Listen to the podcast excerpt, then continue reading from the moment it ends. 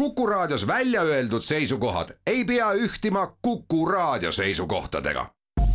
Te kuulate Kuku Raadiot.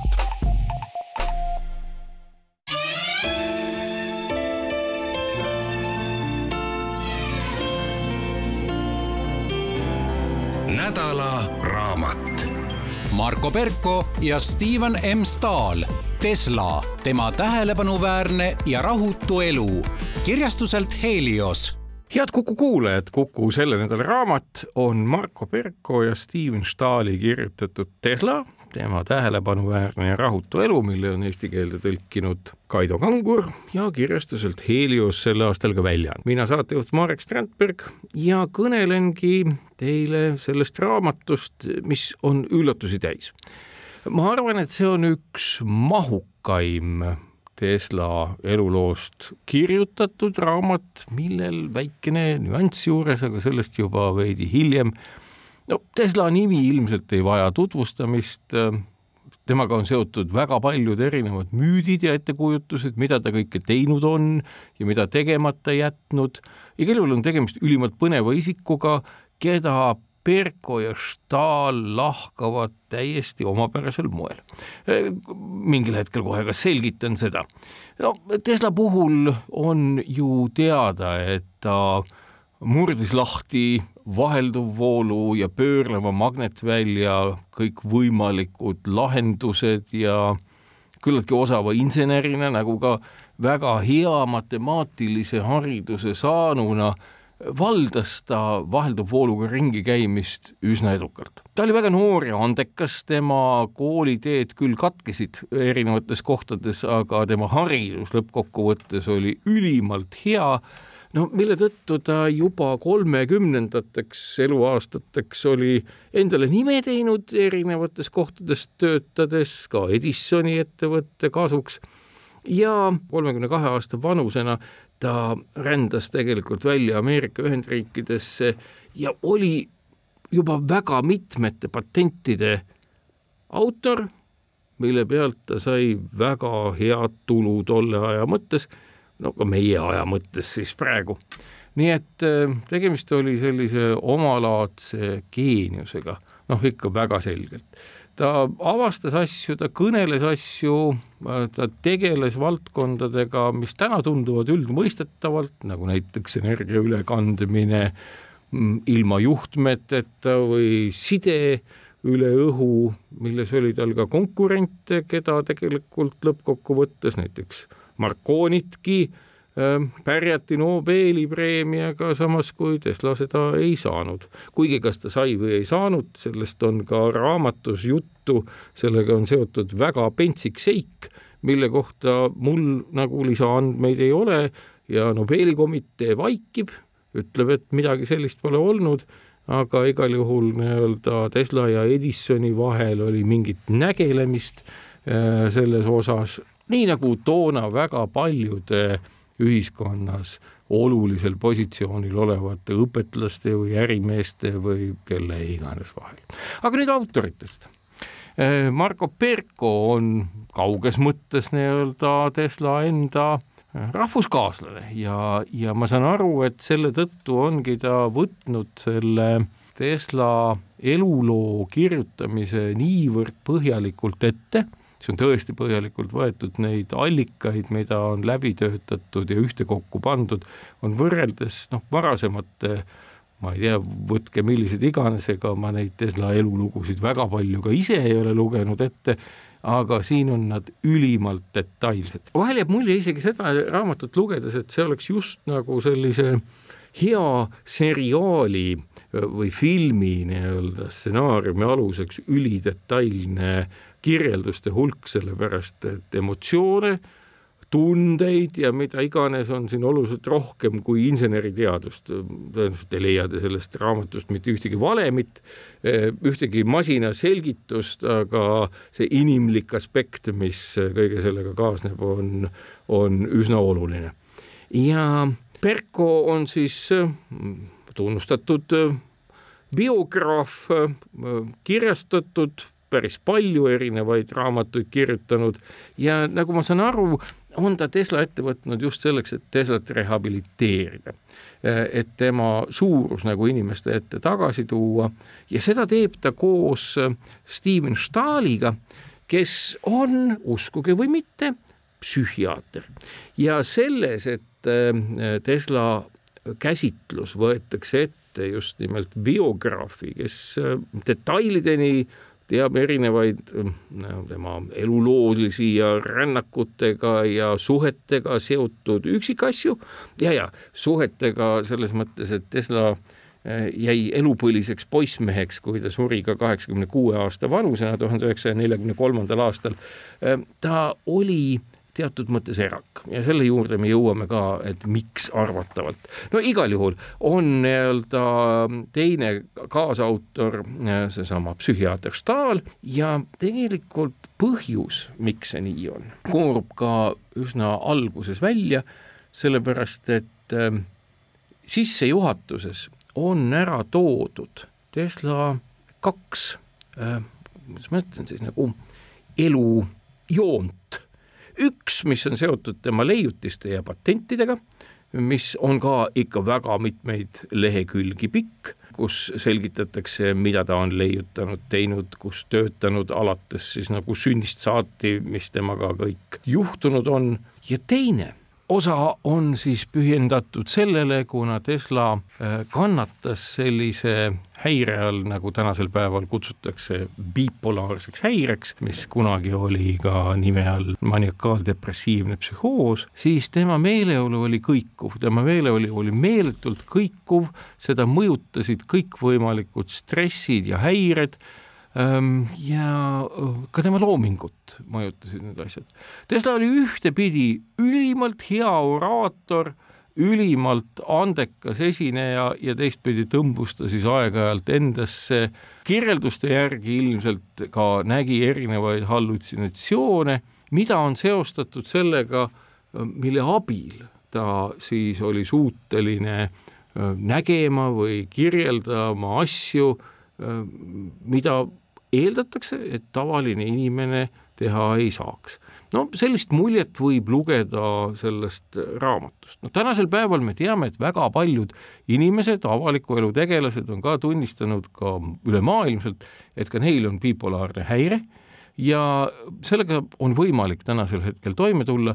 toona ehk et kui meenutame sedasama aega, kui Tesla elas ajavahemikul siis tuhat kaheksasada viiskümmend kuus kuni eh, tuhat üheksasada nelikümmend kolm, selles ajavahemikus ei olnud teada, millisel moel selle häirega toime tulla, tõsi, psühhiaater Krapelin oli üht-teist aimama hakanud erinevate psüühiliste hädade puhul ja andis ka soovitusi, kuidas nendega toime tulla, et kindlasti mitte nii-öelda agressiivselt ja inimest isoleerivalt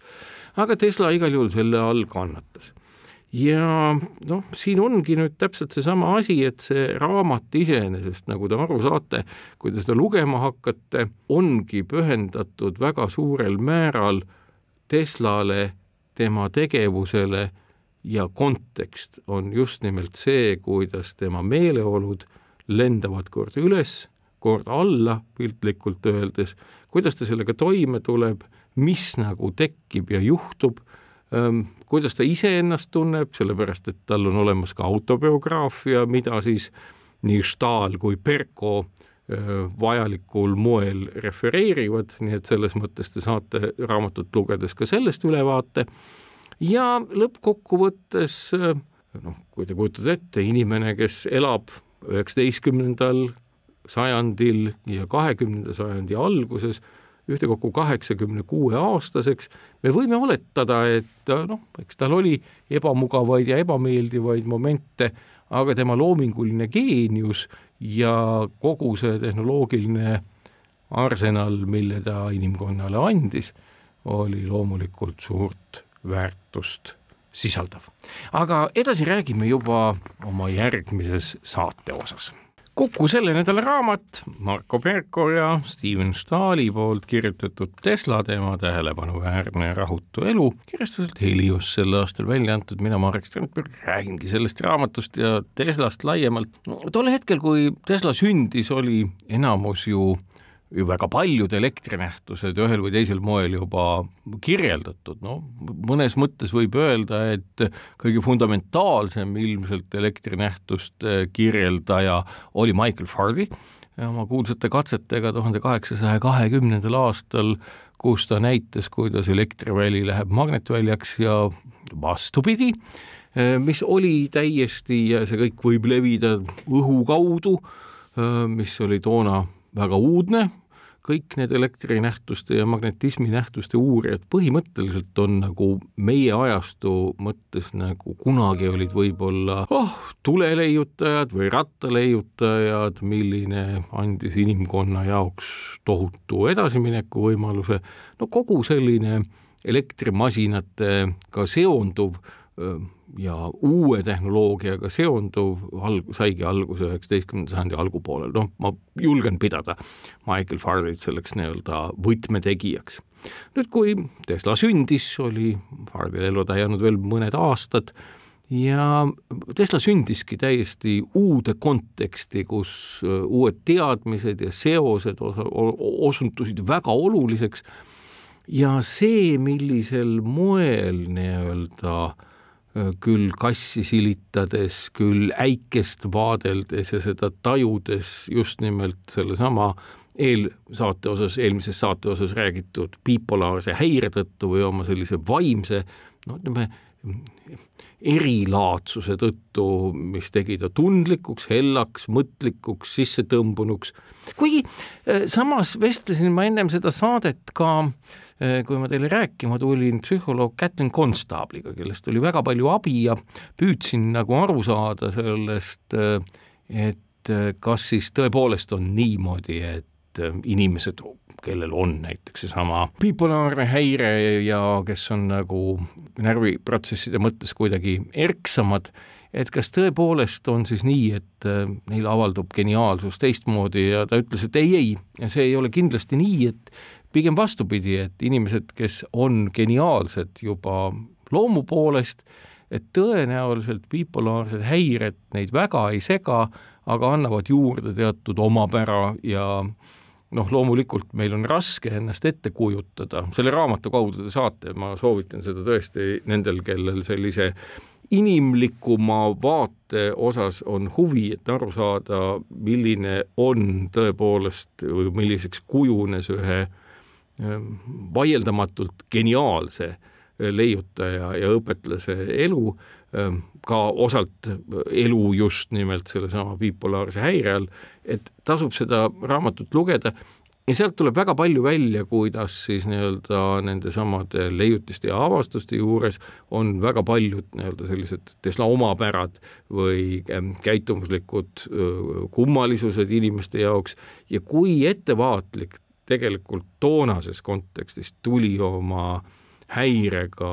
olla, millest vaieldamatult ta ilmselt ise aru sai ja paljud ta noh, vahetult lähedased ka. Ja nagu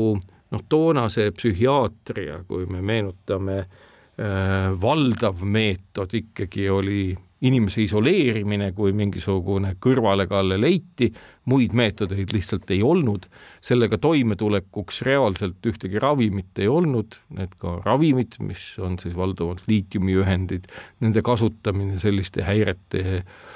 stabiliseerimiseks leiutati oluliselt hiljem, nii et Tesla elu oli ikkagi mõnes mõttes, kui ma selle raamatu ise läbi lugesin, siis ka niisugune selline mööda nööri või noatera peal kõndimine, et kus oli selge, et ühtepidi tema tulud, ekstravagantne tegevus, noores põlves oli ta meie mõistes väga rikas mees oma leiutiste ja patentide tõttu, mida ta küll trafode, küll alalisvoolu mootorite ja muu sellise eest oli saanud, toona oli patenteerimine lihtsam, patentide ostmine atraktiivsem ja teistpidi siis seesama, seesama olukord, milles ta oma psüühilise seisundi tõttu oli. No me teame, et tänasel päeval noh, väga mitmed nii-öelda näiteks näitlejad, Stephen Frey on oma äh, sellist äh, bipolaarse häirega elamist avalikult nagu kommenteerinud ja kõnelenud, mismoodi see välja näeb mida ta üle elab ja selles osas nii-öelda Stephen Fry filmilugusid või ta on ka raamatu sellest kirjutanud, nagu võrdlevalt vaadata, on väga nagu pilti elavdav ja ma kujutan ette, et see raamat on ikkagi julgustuseks väga paljudele inimestele, kellel võib olla samasugune olek, seesama häire, ja tegelikult ta näitab ikkagi välja selle, et tahe on vägevam kui paljud muud asjad.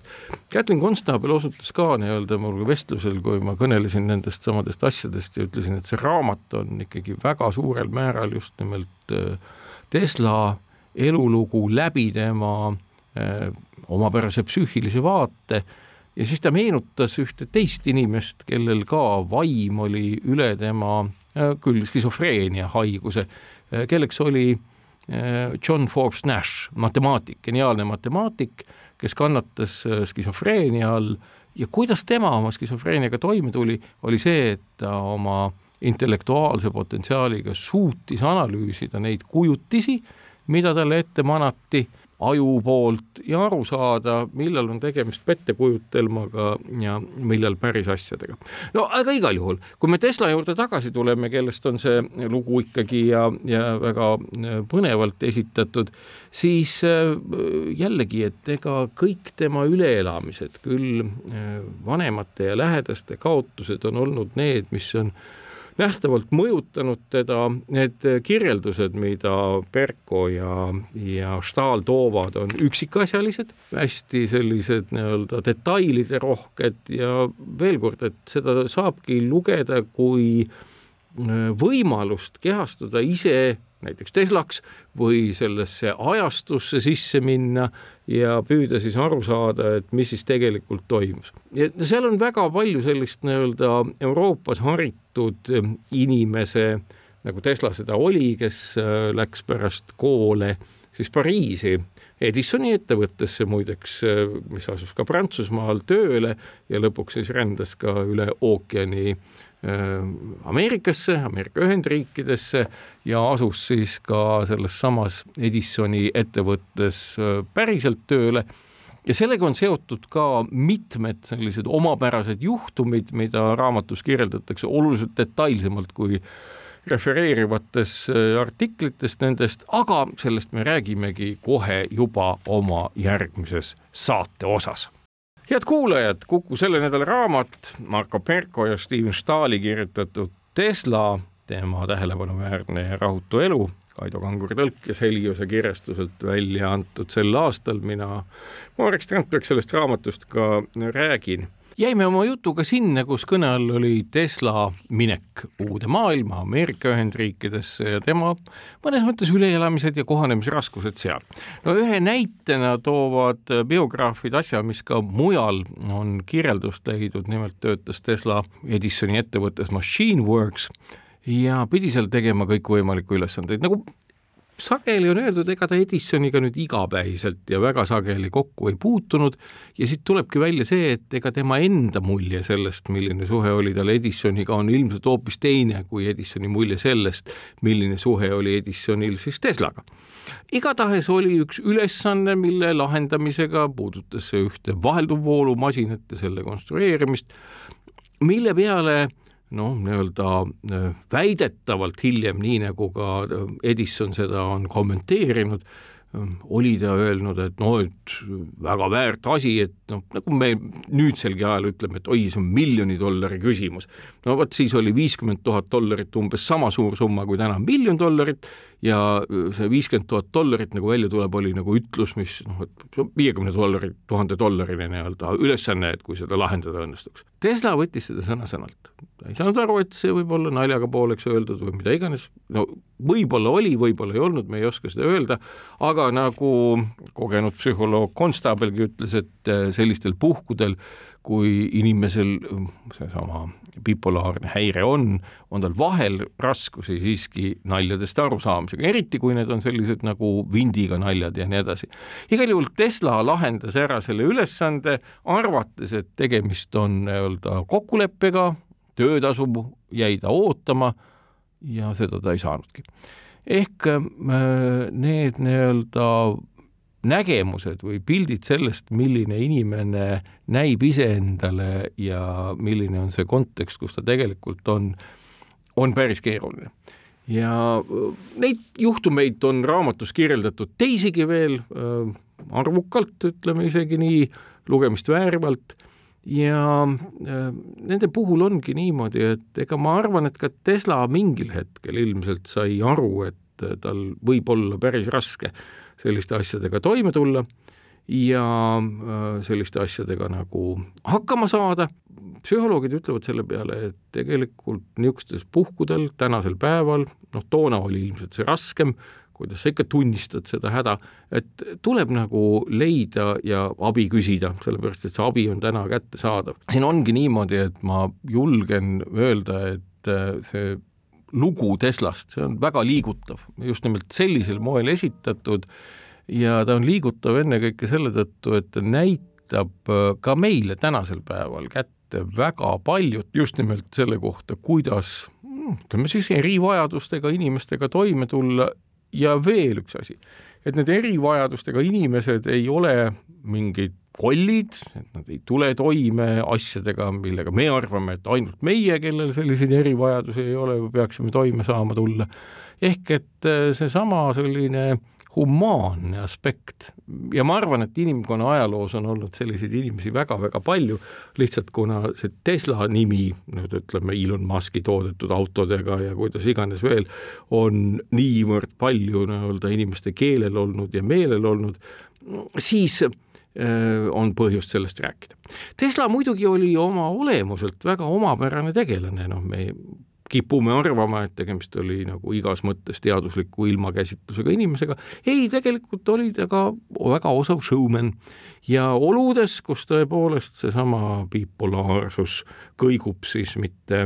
hüpomaniakaalsuse ehk niisuguse endasse tõmbumise, vaid just nimelt sellise aktiivse ja rõõmsa tegevuse poole, siis oli ta briljantne esineja, briljantne asjade seletaja, väga hea showman, suutis sellisel moel kaasata tohutult rahalisi vahendeid omaenda tegevuse edendamiseks, osaleda maailmanäitusel Chicagos, mis, kus siis toodi välja väga suur hulk uusi masinaid ja nii edasi, nii edasi, nii et äh, me näeme ka täna enda ümber ja hulgas samasuguseid inimesi, me ei oska nende puhul muidugi arvata, et kas iga hea oraator on automaatselt, loomulikult ei ole, uskuge mind, äh, bipolaarse häirega või mitte, aga igal juhul nagu ta tuli selle olukorraga väga hästi toime, aga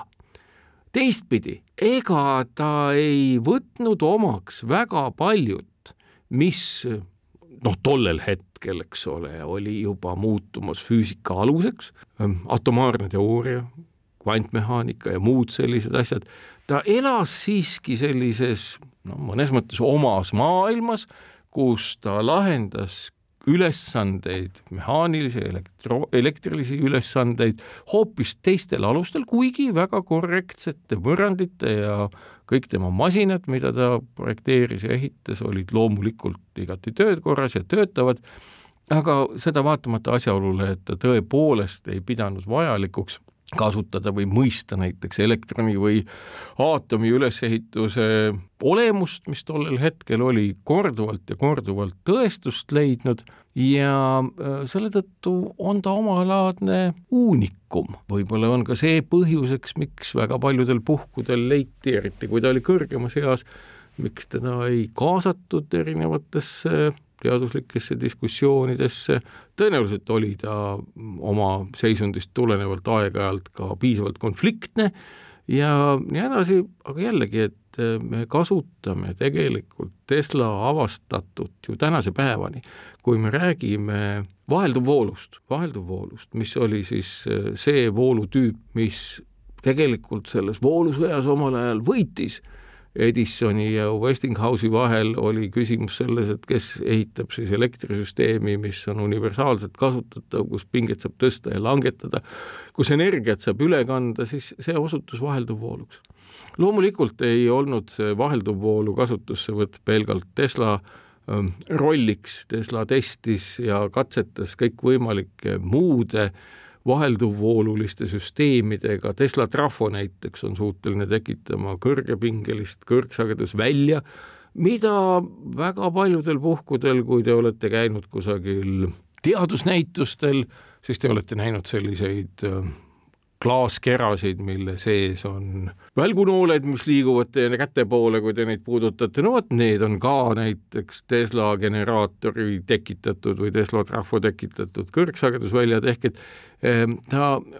osales väga aktiivselt kõikvõimalike uute asjade loomisel ja võib-olla ongi nagu see lugu, et eh, ta nagu terviklikumaid asju ei loonud, võib-olla ka see, et ta mõne osa sellest teaduslikust ilmapildist oli hüljanud, aga seda ma ei oska hinnata selles mõttes, et kõik see, mida ta saavutas, rööbiti sellega, mida näiteks ütleme, äh, Marconi ja Hertz tegid äh, kõrgsagedusväljade puhul või raadio leiutamise puhul, siis äh, tuhande üheksasaja üheksandal aastal sai Marconi selle raadio leiutamise eest Nobeli füüsikapreemia ja arusaadavalt selline juhtum ei mõjunud Teslale just kõige paremini. see on raske olukord, sellepärast et Tesla, pange tähele, veel ammu ennem, kui oli leiutatud Marconi poolt siis raadio, mida ta propageeris, siis Tesla oli juba teinud nii patendi kui ehitanud katseseadmed näiteks raadio teel juhitavatele laevadele ja muudele asjadele, ehk et tema mõte lendas kaugel-kaugel ees äh, sellega võrreldes, mis oli siis tegelikkus ja reaalsus. ma arvan, et selle raamatu lugemisel või vähemalt nii-öelda see, mida mina sain kindlasti sealt kõvasti juurde, on arusaam sellest, kui sageli võiks tegelikult olla põhjust olla empaatilisem ja mõistvam teiste inimeste suhtes, samas ka seda, et ükskõik milline nii-öelda vaimne eriseisund, see on loomulikult inimese enda asi, aga igal kui võimalusel on põhjust selle all kannatajat veidikegi aidata. aga edasi räägime juba oma järgmises saate osas. head kuulajad, Kuku selle nädala raamat Tesla tema tähelepanuväärne ja rahutu elu kirjutanud Marko Perko ja Steven Stahl, tõlkinud Kaido Kangur, Heliose kirjastuselt sel aastal välja antud. eelmisel korral rääkisime mm, sellest, äh, mis tunded võisid Teslat vallata, kui sai teada, et Marconi on leiutise eest, mis tegelikult ju loomult pidanuks olema Tesla hingekirjas saanud Nobeli preemia. Üsna kummaline juhtum juhtus mõned aastad hiljem, kuus aastat hiljem, tuhat üheksasada viisteist ja seda ka raamatus kirjeldatakse, mis, mis on nagu väga seikluslik, sellepärast et mitmed uudisteagentuurid, sealhulgas ka Reuters, andis teada, et Tesla koos Toomas Alva Edisoniga on saanud Nobeli preemia oma leiutiste ja mille iganes eest ja see selline tunnete virvarr, mida siis nagu need autoridki nüüd meieni toovad, nagu ka paljudest biograafiatest varemgi on kuulda, läks selline nägelemine ja igasugune tants ja trall lahti, kus Tesla arvas, et kuna noh, olles siis juba ilmselt omandanud sellise ameerikaliku huumori, mainis ta, et noh, et noh, Edison loomulikult võiks saada ju mitmeid Nobeli preemiaid iga uue hiirelõksu avastamise eest ja mis kõik veel või leiutamise eest. ja selles mõttes lõppkokkuvõttes loomulikult tuli välja, et ei Tesla ega Edison seda preemiat ei saanud, kas põhjuseks oli see nääklemine, et Nobeli komitee ümber otsustas või mitte, ma ei ole seda eraldi nagu kippunud ega suutnud uurida aga igal juhul anti see hoopiski äh, ühtedele teistele füüsikutele kristallograafia eest, kus nad kasutasid röntgeni leiutatud äh, kiiri ja tuvastasid sellega selle, mismoodi siis kindlaks teha, millise struktuuriga on aatomid kristallis jagunenud. Nüüd ähm, ega röntgeni puhul on ka sama asi, et kuna Tesla katset kasutas meeletutes kogustes kõikvõimalike masinate ja vidinatega, siis iseenesest arvatakse, et Tesla võib-olla veel ammu ennem Konrad William Röntgenit suutis äh, tuvastada sellise kiirguse olemasolu, mis siis tekib ühtäkki nii-öelda elektronide pidurdumisel mingi foto ollagi selle kohta ja nii edasi, nii edasi, nii et äh, inspireerijana ja ma, ma ei imestaks, et kui nii-öelda tõepoolest ka äh, Röntgen ei oleks mingeid Tesla tähelepanekut näinud või kuulnud või sellest lugenud, et see andis talle kindlust juurde, et oma leiutis siis lõpuni viia ja selle eest loomulikult oli omal ajal siis ka moel teisel ette nähtud seesama Nobeli preemia suure muutuse eest füüsikalises ilmapildis. kõik need lood on üsna omapärased, sellepärast et ka nendesamade röntgeni ülesvõtete puhul oli tal seal nägelemist oma kolleegidega, kes tundsid ennast väga ebamugavalt selle tõttu, et loomulikult ühel või teisel moel vägagi ekstravagantne geenius ilmselt äh, arvatavalt täiesti tahtmatult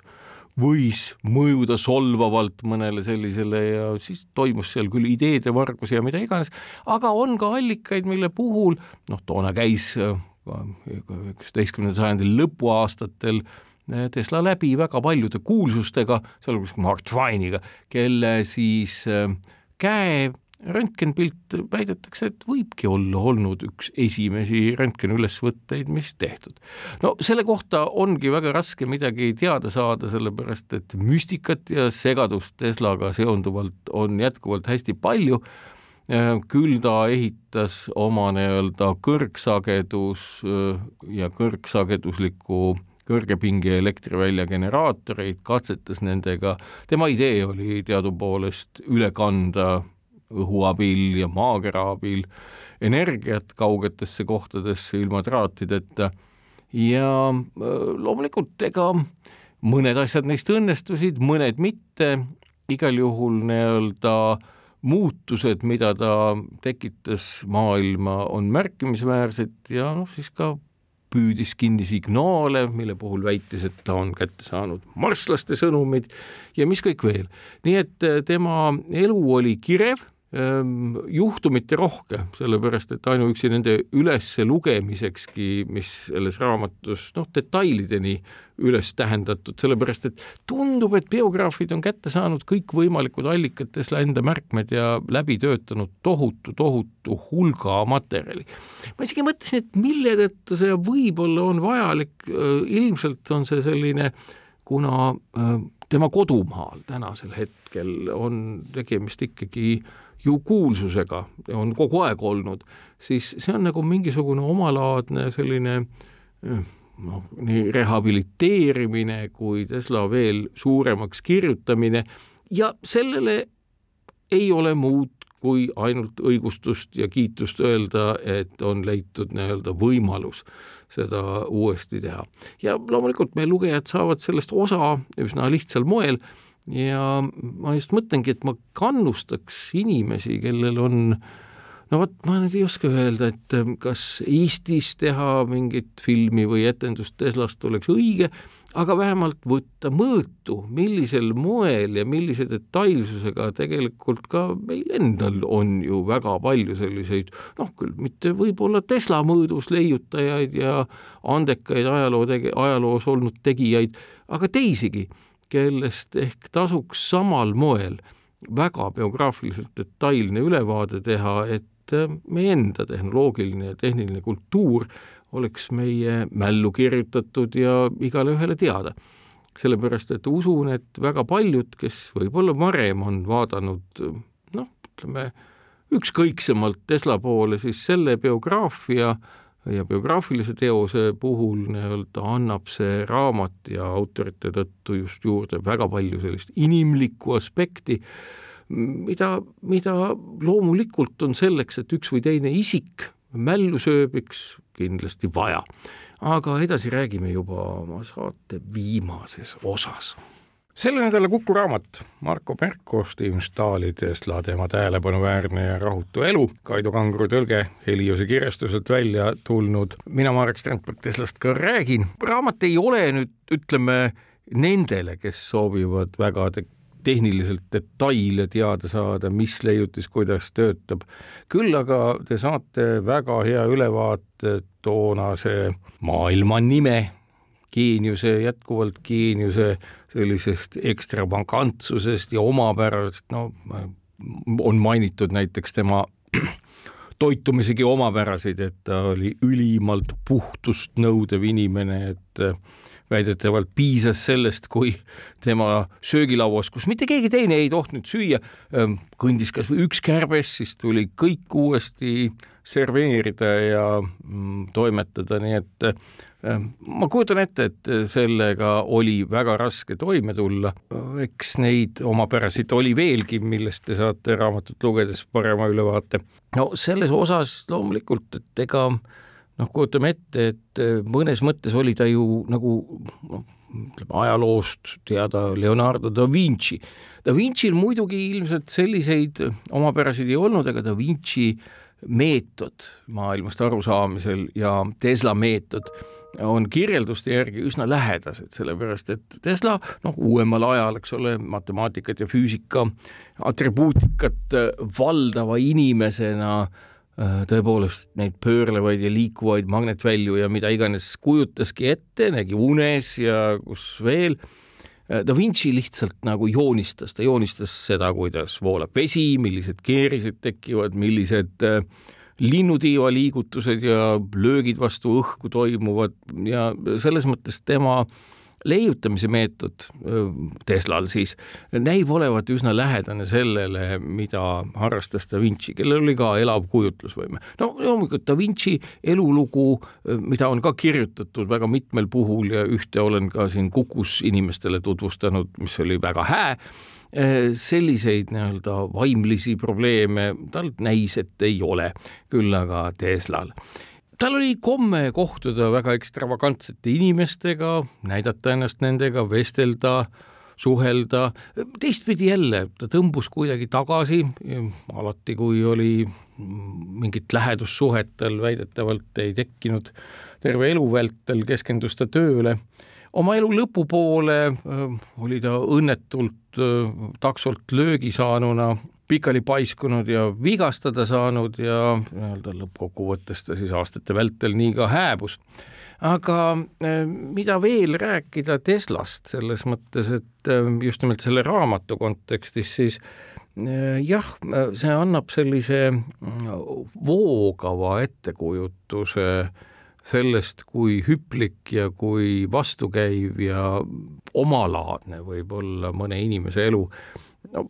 sageli ju inimesed ütlevad, et noh, noh, oi kui palju probleeme mul on, oi kui palju probleeme mul on.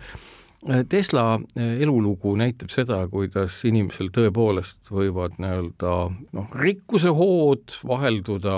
hoopis muude asjadega ja kui te vaatate aastaarve, siis see, milline tormine elu on siis sellel inimesel olnud juba üsna noorest põlvest alates no me teame tänaselgi päeval ju tegelikult maailmas väga palju selliseid noori, andekaid, kiirelt arenevaid inimesi. Ja see raamat annab nagu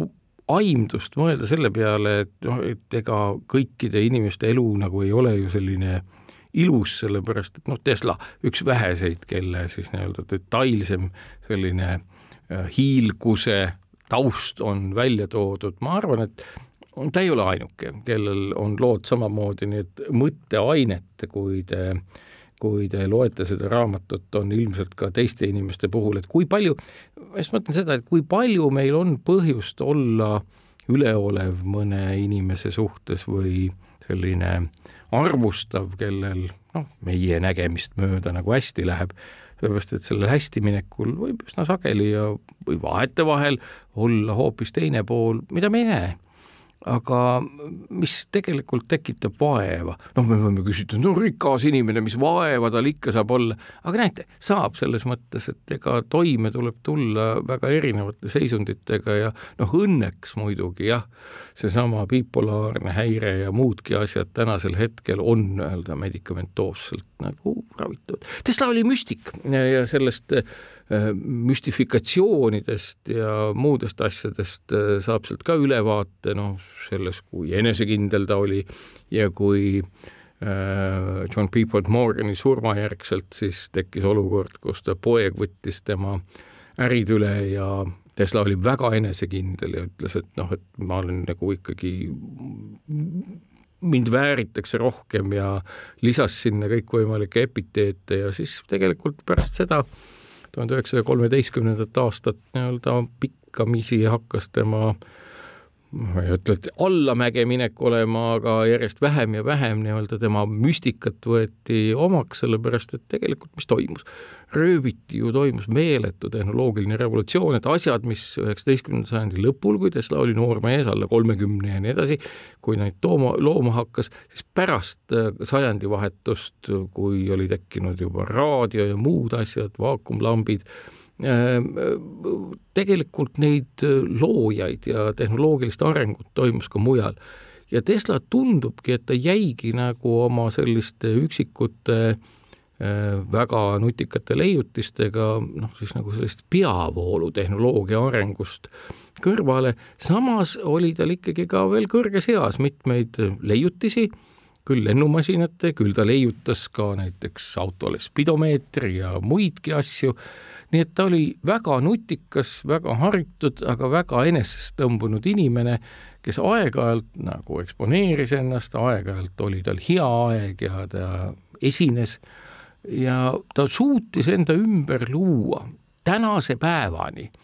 üleval oleva sellise müstilise oreooli, kuni selleni välja, et kui ta tuhande üheksasaja neljakümne kolmandal aastal suri, siis Föderaalne Juurdlusbüroo, nelikümmend kolm, eks ole, sõjaaeg, ennem seda oli ta kõnelenud veel ähm, sellest, kuidas ta loob mingisugust imerelva, kirjeldanud erinevaid relvasüsteeme, surmakiiri ja mida kõike veel, mis tema peas siis liikusid. Ja siis pärast surma Föderaalne Juurdlusbüroo võttis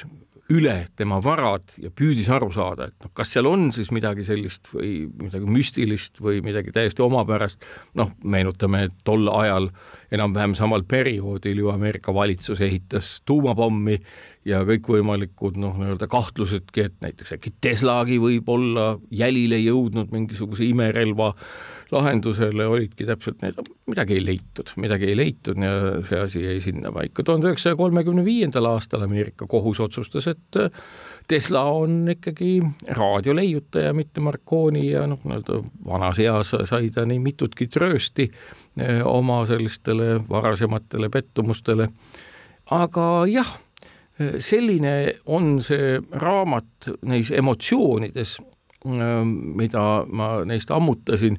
ja täpselt nii ongi, et võib-olla inimesed, kellel on huvi tehniliste nüansside vastu, ei ole peamised selle raamatu lugejad, küll aga need, kellel soov aru saada ühe või teise geniaalse inimese kulgemisest, lugeda lugusid selle kohta, kuidas oli, kes kellega käis, kes kellega suhtles, mida keegi kellelegi ütles, kui palju keegi raha sai, kui palju keegi rahast ilma jäi, millised vaidlused olid, millised süüdistused olid, siis see on selles mõttes väga kontsentreeritud, noh, raske öelda, kas kontsentreeritud või just nagu pikalt lahti kirjutatud lugu Nikola Teslast, kuulsast mehest, kelle noh, nii-öelda võib-olla paljusid asju, mida ta teinud on, me äkki ei mõistagi tänase päevani, aga tema meetod igal juhul olgu see siis rohkem või vähem tema psüühikaseisunditega segatult, on olnud tulemuslik ja annab lootust tänasel päeval väga paljudele inimestele ja selle tõttu minu soovitus ka see raamat võtta ja läbi lugeda. aga sellega ongi kõik ja head lugemist ja järgmiste kordadeni, kaunist päeva!